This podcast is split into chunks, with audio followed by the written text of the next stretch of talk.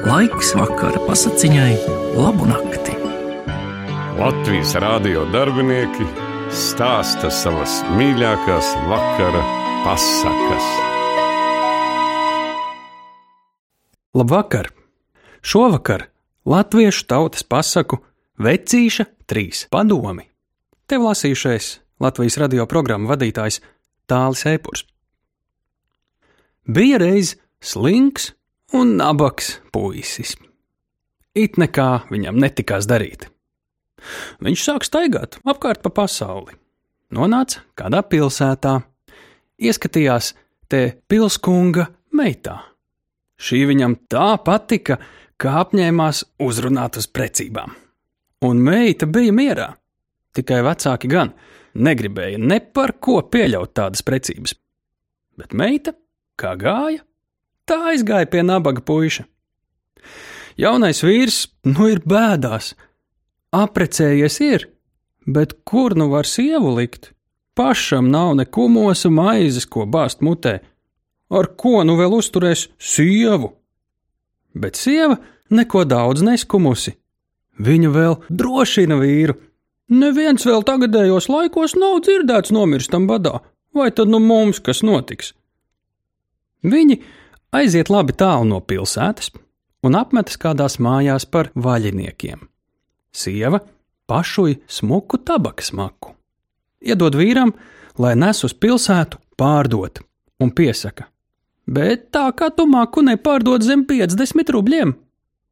Vīrs paņem maku, aiziet uz pilsētu. Pie pilsētas vārtiem nāk pretī vecs vīriņš un prasa, lai dod viņam Maku nevaru tāpat atdot. Sieva mājās pateica, ka to lētāk par 50 rubļiem nedrīkst pārdot. Nu, ko nieku sievu klausīt? Nauda būs bijusi izbijusi, bet es tev došu labu padomu. Tas tev pietiks visam mūžam. Vīrs atdod vecajam vīriņam maku. Tas pateica: Esi drošs, un lec visur iekšā. Vīrs iet uz mājām un stāsta sievai, ka nauda nekas nesot, viņš tādēļ devis tabaks maku kādam vecam vīriņam pret padomu. Sieva dusmojas gan, bet ko nu vairs darīt? Viņa pašu otru maku un dod atkal vīram, un piesaka, ka to nav brīvi pārdot zem simt rubļiem. Vīrs nes atkal maku uz pilsētu, un pie vārtiem viņam atkal vecais vīriņš pretim un prasa maku. Sieva jau tagad bija uz mani dusmīga, vīrs atteica, un man piesacīja, lai maku zem simt rubļiem nepārdodot. Nu, ko tev nauda var līdzēt? teica vecais vīriņš. Dod man maku, un es tev pateikšu gudru padomu, kas tev daudz labāk noderēs. Vīrs atdod maku, un vecais vīriņš viņam teica: Kur aug vītoli, tur visur ir ūdens. Vīrs iet mājās, stāsta sievai, ka nesot vispār maku dabūjis nieka simt rubļu, bet krietnu padomu. Sieva sarāja vīru, kur ar saviem padomiem braukšot, vai viņš pavisam esot prātu zaudējis. Maizes nesot vairs nekumosa, bet viņš maku atdodot tikai tāpat nabagiem. Labi vīru izrājusi, viņa pašui trešo maku un sūta uz pilsētu pārdot, bet atkal nelētāk par simt rubļiem. Vīrs nes atkal, un atkal vecais vīriņš priekšā, lai dodot viņam maku. Vīrs gan negrib, nu, negrib dot, bet vīriņš pierunā atkal un vīrs viņam atdod maku. Vīriņš viņam teica padomu, kad izvelc, tad pieturi. Vīrs iet uz mājām. Trīs padomi viņam nu ir, bet maizes nedruskas. Sieva tik dusmīga uz vīru, ka tūliņš šķirs no vīra un iet atpakaļ pie tēva. Vīrs nu ir vaļīgs. Viņš, kā agrāk, sāk staigāt pa pasauli. Tā nu viņš nonāk jūras malā un redz, ka kūģis peld garām. Vīrs sauc, ka viņš gribot braukt līdzi.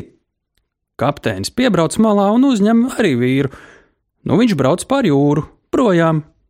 Saceļas vētra, un visi kuģa ļaudi sāk brēkt, kā kuģa grīdā patapis caurums un nu gāžas ūdens iekšā. Visiem bailes iet aizbāzt caurumu.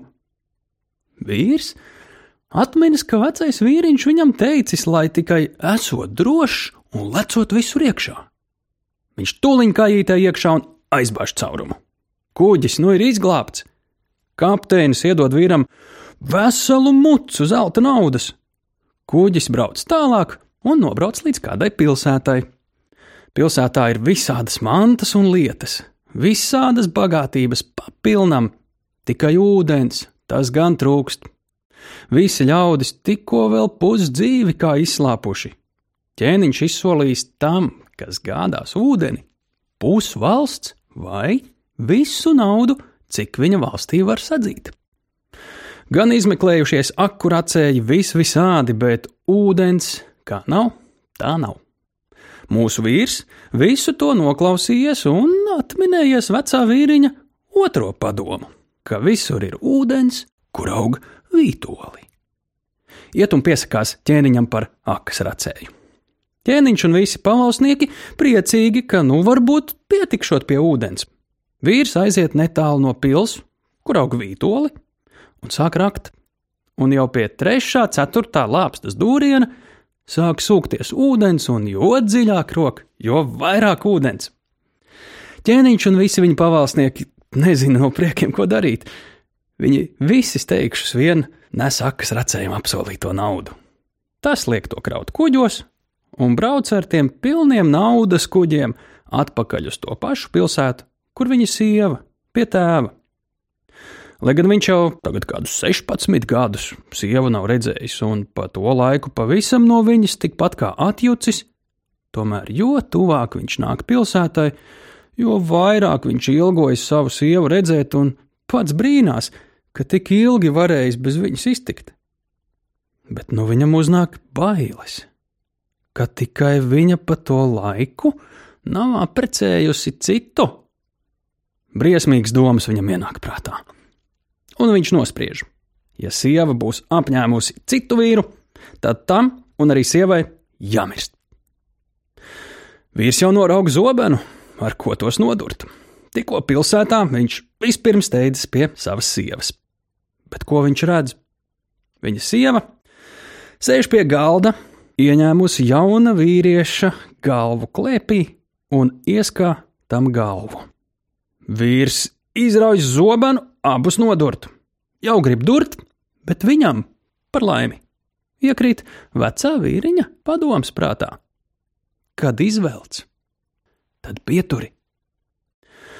Vīrs izvelk zobenu, bet vēl pietur nedod tik ātri virsū. Sieva ierauga savu vīru un tūliņ nomana, ko viņš nodomājis, un sauc: Vīrs, vīrs nenokauj savu sievu, savu dēlu!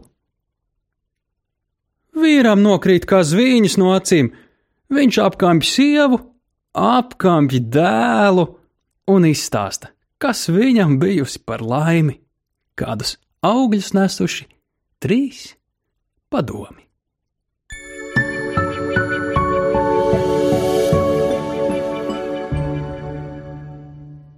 Pasaku, vecīšu trīs padomi, tev lasīja Tālis Eipurs, Latvijas radio programmu vadītājs.